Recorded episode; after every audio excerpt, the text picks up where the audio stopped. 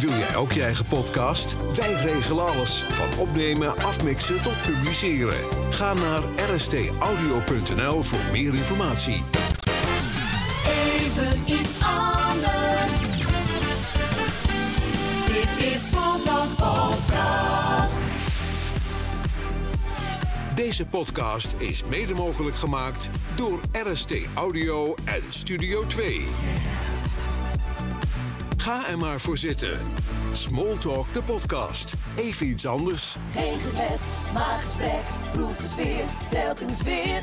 Welkom bij een nieuwe editie van Smalltalk. Smalltalk. En juist dat strategische spelletje, dat is zo bijzonder. En wat ik jammer vind als ik nu naar de tv kijk en Sharon en Ferry op het WK zoveel medailles eh, zie halen, en dan krijg ik zo weinig van die sport mee. Want ik zie een hele groep zwemmers en ik snap het niet en ik zie het niet. Wat ik heel graag zou willen is dat als tv-kijker dat dat open waterspelletje zichtbaar wordt. En dat doe je volgens mij door veel beter camerawerk, door, door, drones, door, door, door GoPro's misschien wel. Doordat het veel zichtbaarder wordt. Zodat je de cruciale momenten in de wedstrijd, dat die ook voor de tv-kijker thuis duidelijk zijn. En wat zou het mooi zijn als straks volgend jaar in Rio de Janeiro, als Ferry en Sharon hele mooie eh, podiumplekken gaan halen. Misschien wel die gouden medaille. Als wij in Nederland het allemaal kunnen meemaken en dat spelletje snappen en daar van heel dichtbij bij zijn. Gold medal to the Netherlands.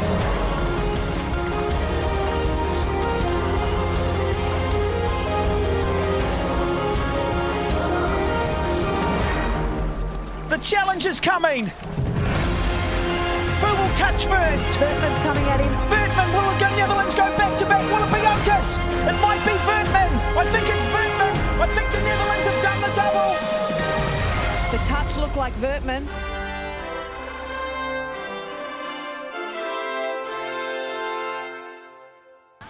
Ik had wel zin om te racen. Het is eh, de eerste keer dat ik in een Nederlands veld 10 kilometer zwom.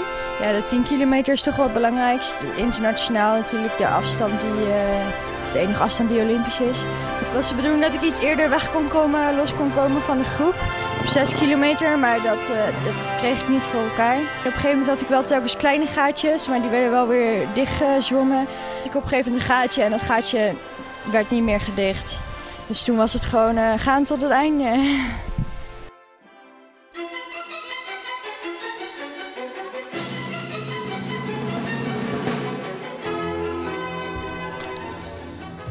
dit is weer een nieuwe editie van uh, Small Talk, de podcast. En vandaag aan tafel Serena Stel. Ja. Zo, het kan bijna, het kan bijna jingle worden, joh. Hey, leuk dat je er bent. Eh, elkaar een tijd niet ges- gesproken. Ik denk, eh, ga eerst maar eens vertellen wie is Serena? Wie is Serena? Ehm, nou, ik ben Serena. Ik ben een Nederlandse openwaterzwemmer, 22 jaar. Ehm, ik zwem bij de Dolfijn in Amsterdam onder Job van Duinhoven. En eh, daarnaast eh, begin ik straks in september aan mijn eh, masterstudie. En ja, dat ben ik. Wat voor masterstudie? Ehm, Biomedical Physics and Technology. Ehm, heel simpel gezegd, de wiskunde en natuurkunde in de medische wereld. Dus denk dan aan MRI, PET, alles met straling. Oké. Ga je daar ook, eh, wil je daar ook straks in gaan werken in die hoek? Eh, ik weet nog niet precies wat ik wil richting de onderzoek of meer ehm, in het ziekenhuis. Eh, dus daar hoop ik nog een beetje met stages en zo de komende twee jaar achter te komen. Oké. Ja, le- leuke studie, hoor je niet vaak. Nee, zeker. Hey, ehm, zwemmen. Ja, hoe, hoe is het allemaal bij jou begonnen, dat zwemmen? Ehm, eigenlijk eh, vanuit het eh, diploma zwemmen kwam ik op een gegeven moment op een eh, wachtlijst voor mijn zwemvaardigheid.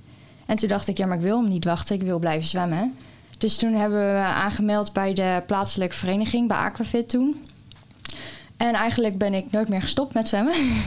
we kwamen er op een gegeven moment achter dat ik me zelf had geplaatst voor de Jaangang-finales op toen nog de 100 meter schoolslag. Ehm, maar ja, wij, wisten helemaal niet wat het was. En de vereniging wist eigenlijk ook niet wat het was. Dus toen was de inschrijving daarvoor al voorbij. Dus toen zijn we later overgestapt naar een andere vereniging in Heemskerk, OESA. En eh, ja, toen ben ik dus naar eh, jaargangfinales geweest. En later naar de NJK, de Nederlandse juniorenkampioenschappen. En dat breidde zich zo steeds verder uit naar eh, meer wedstrijden. En uiteindelijk ben ik in 2011 overgestapt naar de Dolfijn in Amsterdam. Omdat ik daar gewoon meer uren kon maken.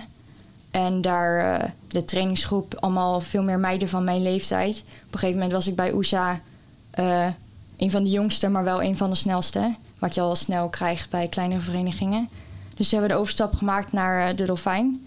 Dus toen was het op, eigenlijk op vrij jonge leeftijd al iedere dag in de auto naar Amsterdam.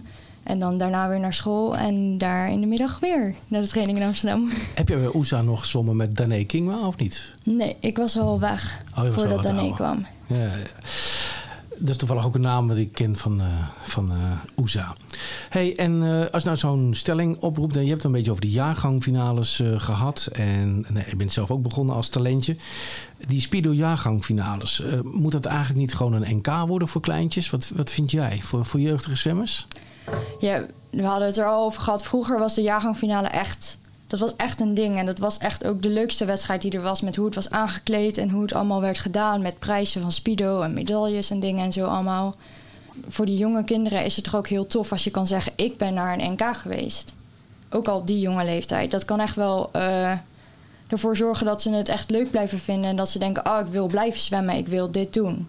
Ja, want eh, die leeftijd, praat een beetje zo eh, t- 12 jaar, als je dan overgaat van de, van de lagere school naar de middelbare school, waar je leven wordt zo anders ineens. Hè. Je hebt niet meer één juf en één lokaal.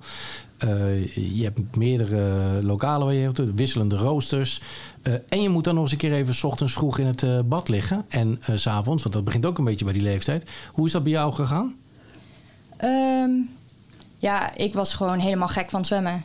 Dus het maakte mij allemaal niet uit. Ik wilde gewoon blijven zwemmen. Ik heb op een gegeven moment ook gekeken of het dan dus mogelijk was om eh, in Amsterdam naar school te gaan. En om dan dus in Amsterdam te gaan zwemmen. Maar uiteindelijk toch gewoon de keuze gemaakt om thuis in Castricum naar school te gaan. En dan maar gewoon eh, op en neer te blijven rijden naar Amsterdam. Omdat ik dat toch eh, fijner vond met de trainingstijden die we toen nog hadden.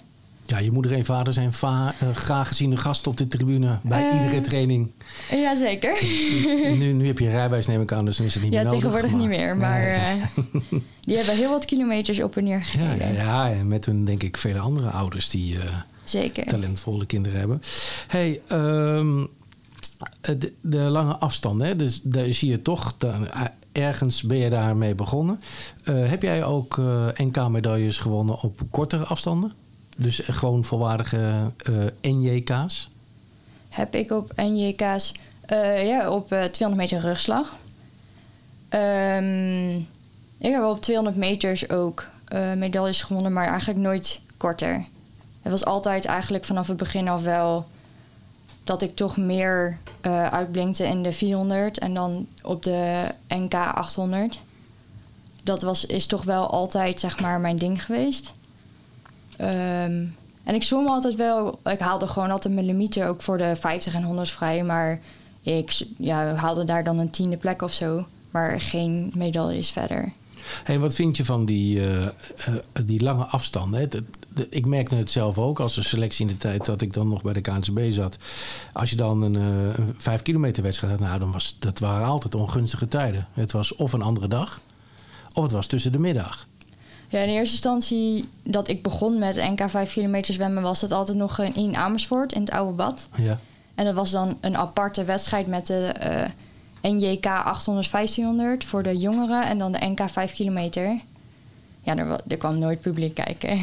Nee, maar moet, moet het sexy Hoe komt dat? Hoe komt Hoe dat? komt dat? Het moet, moet het sexier gemaakt worden? Wat, wat hebben mensen tegen op? Kijk, ik vind nog steeds als je naar bij het schaatsen gaat kijken, een 10 kilometer is toch hartstikke leuk om naar te kijken. Ja, vind ik ook. Maar ik ben sowieso een sportfanaat, dus ik vind alles leuk om te kijken. Ik kijk ook naar een 200 kilometer rit in de Tour de France. Ja. Ehm, En Max, Verstappen. ja, dat ook. Nu niet over hebben. maar ehm, ja, waarom ja, een 5 kilometer in het zwembad? Je kijkt naar mensen die een uur lang 100 baantjes op en neer zwemmen. En ja, het niveau is niet altijd heel hoog bij zo'n wedstrijd. Er liggen er misschien twee of drie die het met elkaar kunnen uitvechten. Of die nog een beetje bij elkaar in de buurt liggen. Waar, waar komt dat door? Hoe komt dat? ja, hoe komt dat? Er zijn gewoon niet zo heel veel mensen die denken... kom, ik ga een vijf kilometer zwemmen in het zwembad. En Nou, niet alleen... Begint het al bij de lak?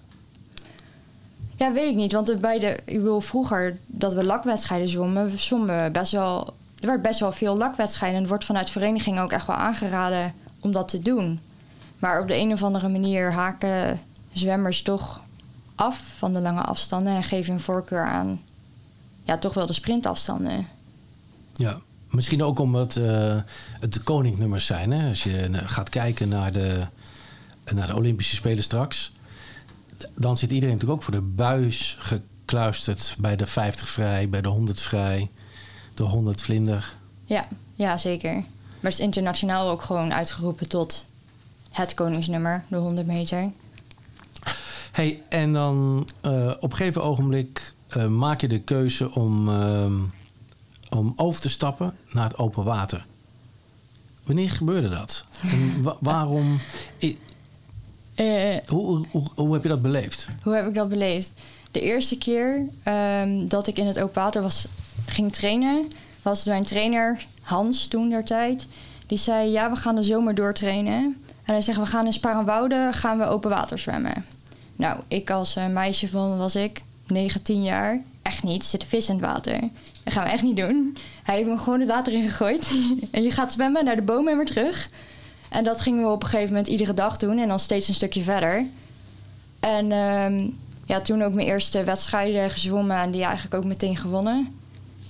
En van daaruit heb ik op een gegeven moment... Ja, ben ik gewoon iedere zomer eh, in Nederland open waterwedstrijden gaan zwemmen. Toen ben ik er op een gegeven moment eh, een jaar of twee uit geweest. Totdat ik toch echt wel tot de conclusie kwam dat in het zwembad ook de lange afstanden mij gewoon beter lagen. En dat ik het open water ook gewoon heel leuk vond. En toen eh, kwamen we er dus achter dat je dus ook naar een EJK kon in het open water. Via het buitenwater. En dat het kon via een 5 kilometer zwemmen binnen. Dus toen zijn we daarop gaan trainen. En zijn we gaan kijken hoe ver ik daarin kon komen. En toen in eerste instantie het eerste... Dat was denk ik 2015. Toen eh zwom ik de 5 kilometer. Eh, toen had ik een gekneusde rib. En toen zat ik uiteindelijk, denk ik, 20, 25 seconden boven de limiet. Dus ik haalde het niet. En toen heb ik nog twee openwaterwedstrijden gezwommen om te kijken of mijn openwaterprestaties al goed genoeg waren om alsnog mee te gaan. Maar jammer genoeg kreeg ik toen te horen dat het dus niet goed genoeg was. Eh, maar toen kreeg ik wel de kans om in het eh, RTC te gaan zwemmen in Amsterdam. En toen heb ik me zo ontwikkeld dat ik op de 5 kilometer het jaar daarna dik onder de tijd zwom. En toen wel mee mocht naar de EJK Open Water. Ook toen trouwens de WJK Open Water in Horen. Ik wil zeggen, die zat ervoor. Ja. Hey, en ehm, ja, want je hebt wel stappen gemaakt. Hè? En toen je in het RTC bent gaan zitten, dus een, een volwaardig eh, programma, wat raar klinkt, maar gewoon meer uren, meer begeleiding, meer Ja. krachttraining. ja, vooral meer, meer uren Ja. ook. Daardoor heb je wel die grote stappen gemaakt. En in hoeverre is dan zo'n training voor jou lastig? Je vindt het wel lekker om tegeltjes te tellen. Ik vind het niet erg om tegeltjes te tellen. Ik krijg zoveel eh, vragen ook afgelopen jaar weer. Ja, dan heb ik een 8 kilometer training of een langer en de rest heeft 3 kilometer. En dan zeg ik, ja, vind je het dan niet erg? Ik zeg nee. Als ik het niet leuk zou vinden, dan zou ik het heus niet doen. Het is gewoon, je bent gewoon aan het zwemmen en je kan gewoon al het andere vergeten. Je hoeft nergens mee bezig te zijn dan alleen maar gewoon jij en het water. Ja. Hey, en als je dan kijkt naar dat open water, even terug naar, de, naar het wedstrijdelement, dan wordt het een beetje. Er wordt altijd denigerend gedaan over het open water. Ik werd uiteindelijk gevraagd een keer door eh, Marcel Wouda en Titus Menne. Zo van, wil jij eh, je met het open water gaan eh, bemoeien? Talentontwikkeling. En ik dacht, alle mensen.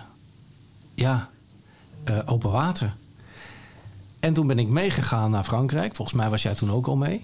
Ja, En er ging een wereld voor me open. ja. Want als je echt gaat kijken naar een open waterwedstrijd in Frankrijk... en in Zoveel Nederland is groter. niet met elkaar te vergelijken. Nee. Want dan zie je pas echt hoe het open water eh, is. Ja, En dat het open water niet alleen maar zwemmen is, maar ook een spelletje en strategie. En er komt zoveel meer bij kijken. Ja. Ja, dat was voor mij toen ook een openbaring. Het was inderdaad de eerste keer dat we naar Frankrijk gingen. De eerste keer ook dat ik een 10 kilometer ging zwemmen. Met Sharon toen. Ja, dat was, dat was zeker iets heel anders dan dat we hier in eh, Nederland gewend waren. Sowieso stonden... Nou, We starten daar met 60 meiden of zo. Nou, in Nederland hoef je dat niet... eh, er zijn totaal niet eens 60, m- 60 vrouwelijke deelnemers in een open waterwedstrijd. Laat staan alleen maar bij de 10 kilometer. Ja, ja, en als je in Nederland een 10 of een 5 zwemt, dan heb je eh, nou, twee of drie mensen, Bekkers misschien die meekomt en die andere Dresden, maar dan houdt het wel op. Ja, dat klopt. Dus de competitie is natuurlijk ook lastig. Ja. Want hoe, hoe kijk jij naar eh, als je jezelf wil ontwikkelen in het open water? Ehm, hoe belangrijk is een wedstrijd dan voor jou? Ja, ik denk heel belangrijk, want je zal toch moeten leren hoe je in, ten eerste hoe je in een groep ligt, hoe je ermee om moet gaan als jij klappen krijgt of als je van tevoren een plan hebt opgesteld en dat gaat al helemaal mis in de eerste ronde doordat ze denken we gaan keihard af of we gaan juist super langzaam zwemmen. Er zijn verschillende tactieken die je moet kunnen uitproberen, maar dan moet je wel de kans krijgen om meerdere wedstrijden te zwemmen in een veld van hoger niveau. Ja. Ehm, ik denk dat de eerste jaren ging dat nog wel. Toen werd het eh, EJK meteen na het WK. Want volgens mij had je ook. Zat je niet heel ver van de Madeus af in, eh, in Horen? Wat zei? Ze zat in de top 10 volgens mij in Horen. Ik werd Bij het achtste in WK, Horen, ja. Nou, er zijn er niet zoveel die dat na kunnen vertellen. Nee. Eh, Thomas Jansen volgens mij ook. Ja, En daarna mocht je door naar het EJK. Totaal andere wedstrijd. totaal andere wedstrijd. Want Horen was vlak. Eh er vielen er een aantal uit, want die konden echt niet tegen die kou. Nee. Eh, en dan krijg je opeens Piombino. ja, midden in de zee. Ik weet nog heel goed dat we daar bovenop de toren stonden en uitkeken over die zee. En die golven zagen en die boeien in de verte zagen drijven. En dat het al echt zo was van oké, dit is wel even iets anders dan, eh, dan in Nederland gewoon in een bosbaan heen en weer zwemmen. Ja, voor eerste een zeewedstrijd, golven, alles is zo anders dan we hier in Nederland gewend waren. Ik had ook nog nooit een wedstrijd überhaupt gezwommen in de zee. Ehm, dus ja, dat was iets heel anders. Ik weet nog wel dat we even getraind hebben.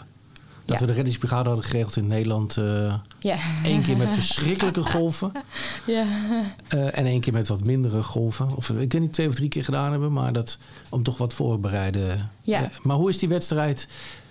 Die, dat verschil tussen dat WK en dat E EJK. Ja, sowieso. ehm, De uitslag was natuurlijk, hè, da- daar was wel echt een, een verschil. Was nou dat EJK veel sterker? eh, nou, dat denk ik niet per se. Sowieso was natuurlijk de WEK aan het begin van de zomer. Dus had je gewoon een normale trainingsaanloop daar naartoe. En de EEK was aan het eind van de zomer. Dus moest ik eigenlijk de hele zomer in mijn eentje doortrainen. En wij hadden toen ook een trainerswissel. Dus er was niet echt een trainer op dat moment. Eh, en toch gewoon ook een hele andere race. Ik denk niet per se dat het veld veel sterker was. Ehm, maar ja, horen, net wat je zei, was koud. Dat was helemaal in ons voordeel, want wij waren dat gewend. Italië was niet per se heel warm, maar wel eh, ja, hele hoge golven hadden we in de race. Waardoor als je in een groep zwemt, ehm, je werd gewoon alle kanten, oh, je werd gewoon alle kanten opgegooid. Dus in plaats van dat je op de voeten van de persoon voor je kon gaan liggen, lag die persoon opeens twee meter de andere kant op, omdat er weer een golf was geweest. Het was gewoon een hele andere manier van, van zwemmen. En als je dat dus nog nooit hebt gedaan, je werd letterlijk in de diepe gegooid. Ja, Er was dan natuurlijk ook niet veel tijd om nog eh, wedstrijden te doen buiten Nee. Frankrijk. En, eh, hey, en ehm, ja, dan, dan groei je een beetje door. En eh, wa- wat vind jij het leuke aan dat open waterspelletje? Ehm, ja, het is zoveel meer dan alleen zwemmen. En het is ook, je kan trainen voor een 50 meter en dan train je het hele jaar lang voor, nou ja, 25 seconden. Ik niet, maar de snellere mensen doen 25 seconden over 50 me- 25 meter. Ehm, maar je, ja, je bent gewoon ergens mee bezig. Je bent iets aan het opbouwen. Het is gewoon zoveel meer dan alleen zwemmen. Het is echt racen en ja, verstandige keuzes maken. De keuzes maken op een moment in de race. Het is altijd anders. Niks, geen enkele race is hetzelfde. En eh, vechten? Ja, dat is iets minder. Ja? ja, ik weet dat je in het begin daar wel moeite mee had. Maar Eh, de laatste wedstrijden die, die ik van jou gezien heb... had je daar wel echt sprongen in gemaakt. Het was niet meer Ja. zo dat iemand eh, dacht van... laat ik je schouder even pakken en jou even aan de kant zetten. Kijk, gebeurt natuurlijk nog steeds wel. Eh, ze proberen het altijd. Maar eh, je probeert het ook terug. Onopvallend. Eh, de jury hoeft het niet te zien. maar ik kan me inmiddels wel ehm, staande houden binnen een groep. Hey, en als je gaat kijken, ju- juist die groepen, hè, als je achteraan ligt, de kans dat je helemaal naar voren zwemt, ja, het is bijna uitgesloten. Maar als je in een tweede, een derde groep ligt, het is net wielrennen. Eh, als je met elkaar een beetje samenwerkt, kun je nog naar, eh, naar voren. Leg eens uit, hoe werkt dat in zo'n wedstrijd? Ja, ik kan me daar soms zo erg aan irriteren dat je er dan dus net af ligt van de kopgroep. En dan is het logisch. Ik bedoel, als je kop over kop gaat zwemmen, of één iemand op kop laat zwemmen, dan kom je veel sneller terug bij de groep dan dat je met z'n tweeën naast elkaar gaat zwemmen. Want dan trek je elkaar eigenlijk telkens naar achter. Dus net zoals je zegt, eigenlijk een beetje hetzelfde als in het wielrennen. Ehm, maar op de een of andere manier eh, accepteren de andere zwemmers dat dan vaak niet. En dan kost het je zoveel moeite om weer terug te komen in de groep. Dat je er eigenlijk gewoon voor moet zorgen dat je niet de groep kwijtraakt. Kan dat eigenlijk alleen maar als je als Nederland zijn bijvoorbeeld een zwemmer eh ernaast... Kijk, het niveau tussen jou en bijvoorbeeld Marije... Dat, dat was eigenlijk ook al groot in het open water. Je had veel meer open waterervaring... waar Marije veel meer in het binnenbad zat. Is het voor jou handig als er een tweede dame in Nederland zou zijn... waar jij samen mee kan trainen in wedstrijden... dus ook dat soort strategietjes kan doen? Ik weet dat Marcel Schouten ook wel echt een trainingspartner voor Ferry is geweest richting Rio. Ja, En ook ja. in wedstrijden dingen samen hebben bedacht. ja, ja, tuurlijk zou het fijn zijn om iemand te hebben om mee te trainen. Eh er hoeft niet eens een dame te zijn. Het kan ook een jonge, lange afstandszwemmer zijn... waar je gewoon je trainingen mee af kan werken. Ehm, ja, of je samen dan in een wedstrijd dingen... Ja, dan kan je dingen uit gaan proberen... maar dan krijg je wel al snel dat dus er één persoon voorgetrokken wordt voor de andere. Als je strategieën gaat uitproberen. En Ja. in principe, het is een individuele sport. Dus het blijft... Maar dat is, in de, dat is natuurlijk de Tour de France ook. Ja, dat is waar. Maar daar worden wel natuurlijk wat dingen bedacht. Hè. Er is er één beter, dat is de kopman. Ja. En die wordt gewoon geholpen. Ja, precies. Dus op het moment dat je, stel je voor dat wij, nou, je mag het maar met twee doen, maar of drie eh, op een EJK. Maar als jij de beste bent en die andere twee gaan je helpen, eh, jou naar een medaille, zou dat strategisch een slimme zet kunnen zijn. Wat Ja. zou er moeten gebeuren om het open water weer populair te eh, maken in Nederland?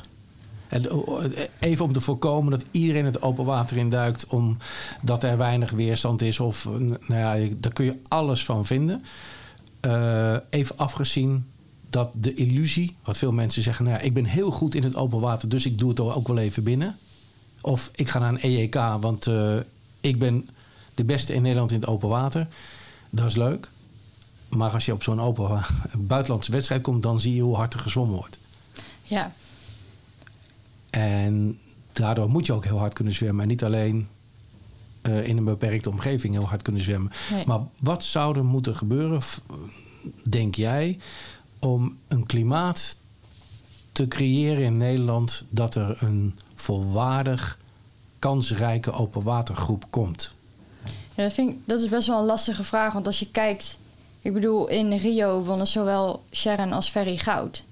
Meestal als er op een spelen of op grote toernooien... eh, medailles worden gewonnen... dan zie je dus dat er in die sport een toename komt van aanstroom ook. Ik bedoel, de eh, voetbalmeiden die wonnen... of die werden tweede op de WK... en je zag dat alle meisjes gingen voetballen. En op de een of andere manier is dat dus... met zwemmen en helemaal met open waterzwemmen... is dat ook niet gebeurd. Nou, Nou, wel een beetje. Ja. Er, er kwam wat geld, er kwamen ook wel wat mensen weer bij. Uiteindelijk was Ja, er wel een, maar- een groepje ontstaan. Maar het, het verwatert ook weer. Ja, dat. Het verwatert ook weer. Ehm, ja, en dan de, de vraag is dan gewoon... waarom eh, vinden de zwemmers lange afstanden en open water zwemmen niet leuk genoeg? Waarom gaat hun voorkeur weer zo snel terug naar het zwembad?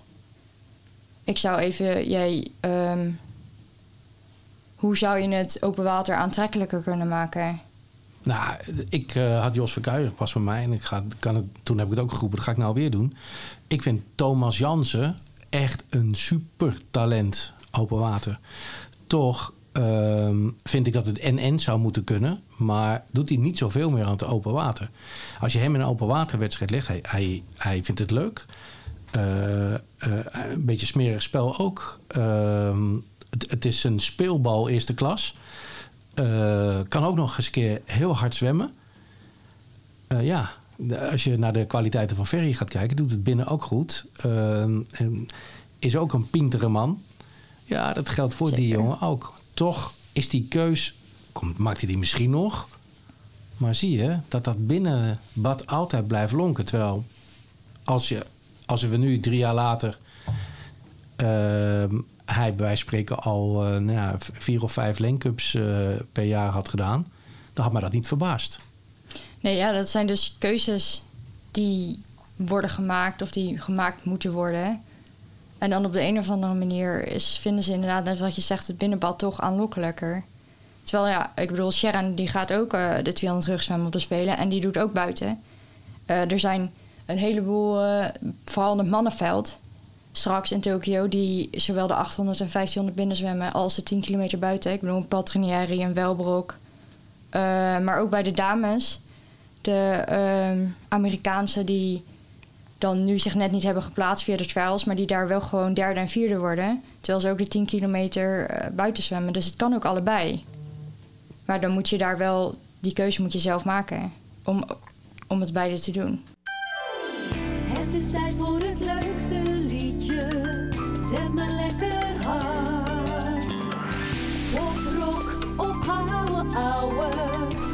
Speciaal voor jou. Kom maar op met je verhaaltje. Zetten wij het liedje klaar. Even tijd voor wat anders. Smolten voor jou. De plaat en het verhaal.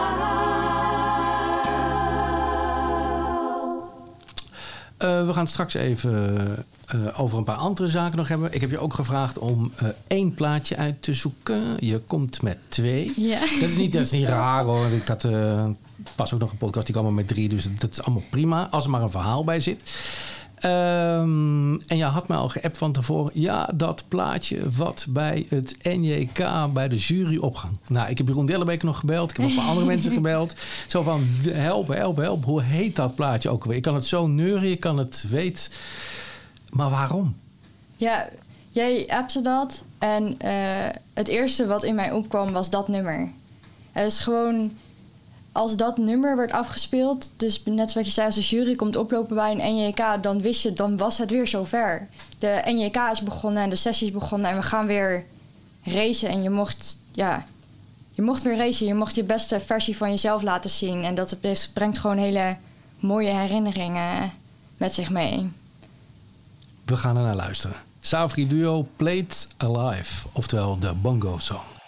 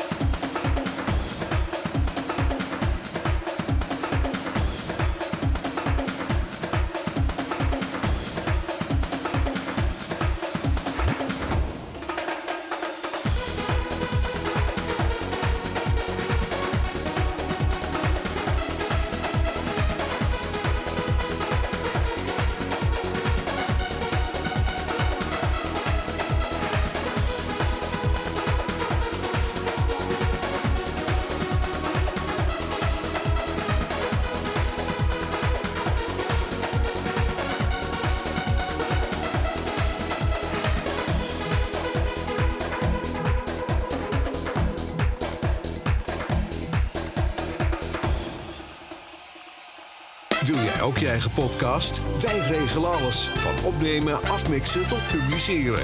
Ga naar rstaudio.nl voor meer informatie. Zo, en dan nu even tijd voor een kopje thee. Ah, lekker. Even bijkomen. Mijn oren staan te klapperen. We gaan zo weer verder.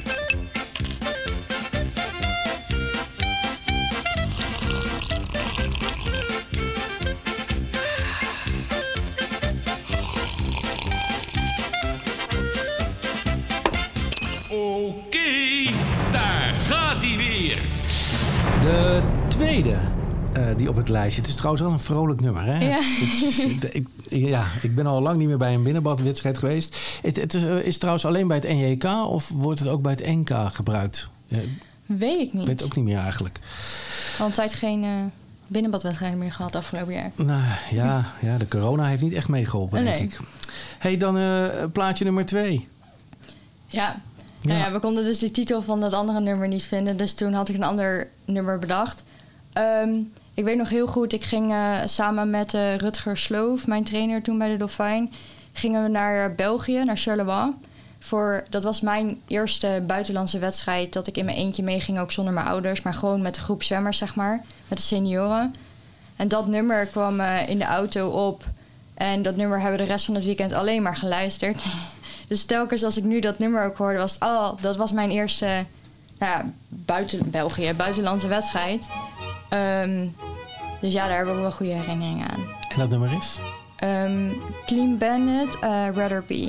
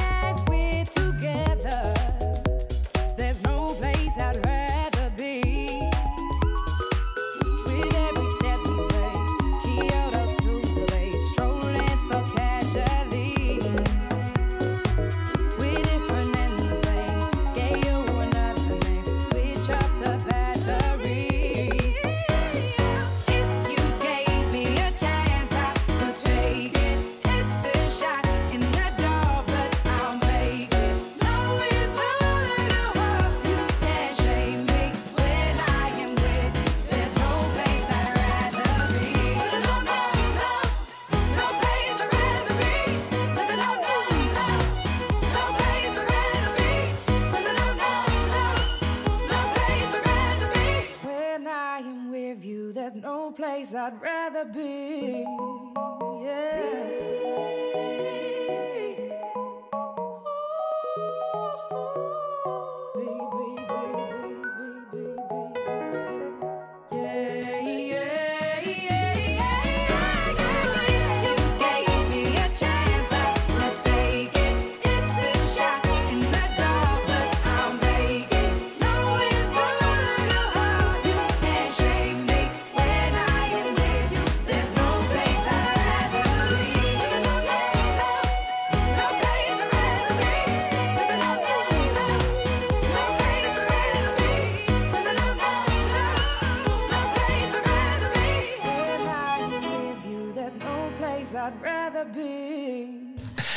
Ja, hebben we, hebben we- zo'n beetje aan het eh, eind van de podcast eh, altijd nog eh, een beetje de toekomst. Zo van wa- waar, gaan we, wa- waar gaan we heen en wat moet er veranderen?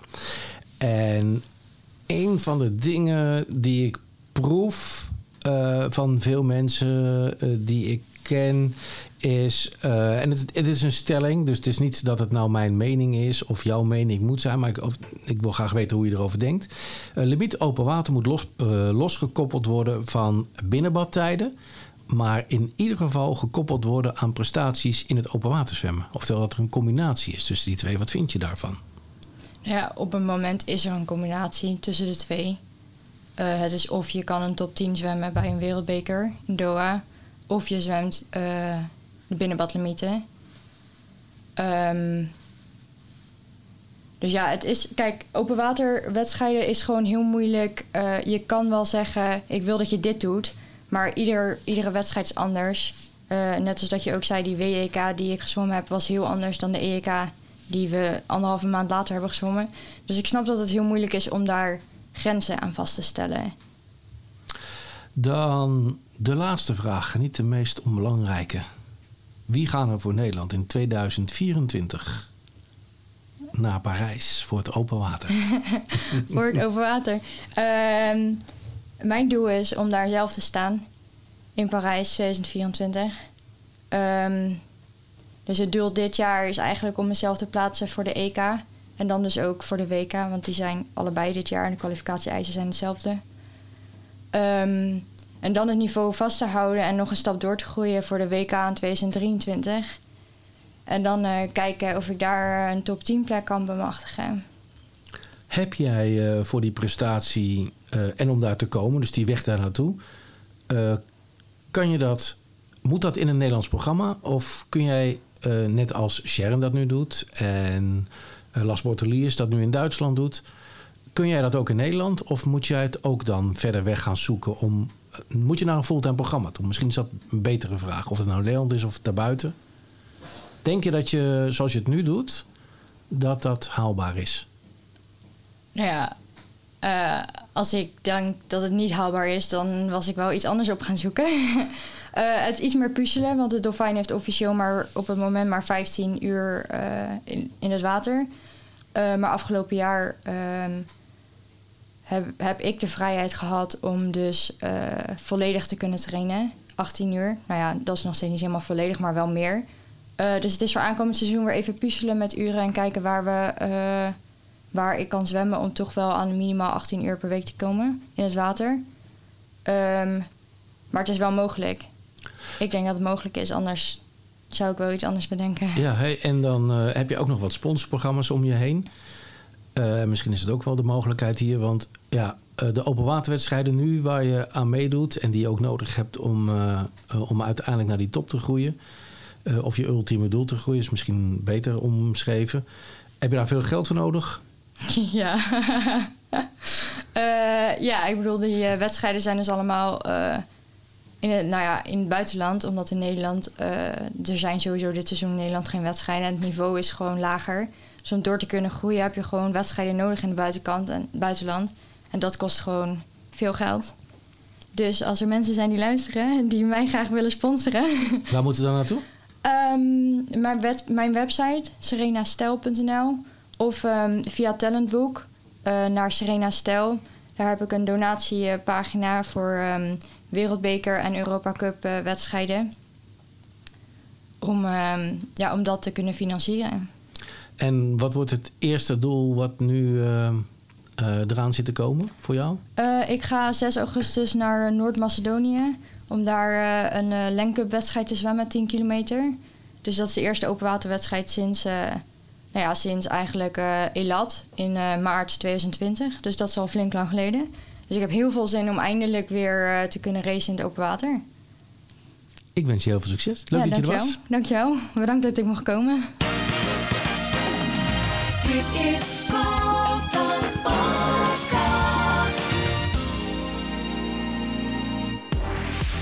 Heb jij een vraag of onderwerp voor Smalltalk? Mail naar podcast@smalltalkradio.nl.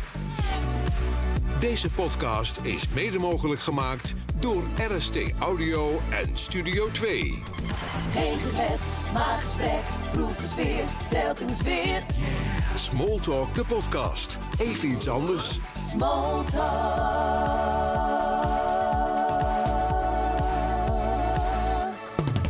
jij ook je eigen podcast? Wij regelen alles. Van opnemen, afmixen tot publiceren. Ga naar rstaudio.nl voor meer informatie. RST Audio.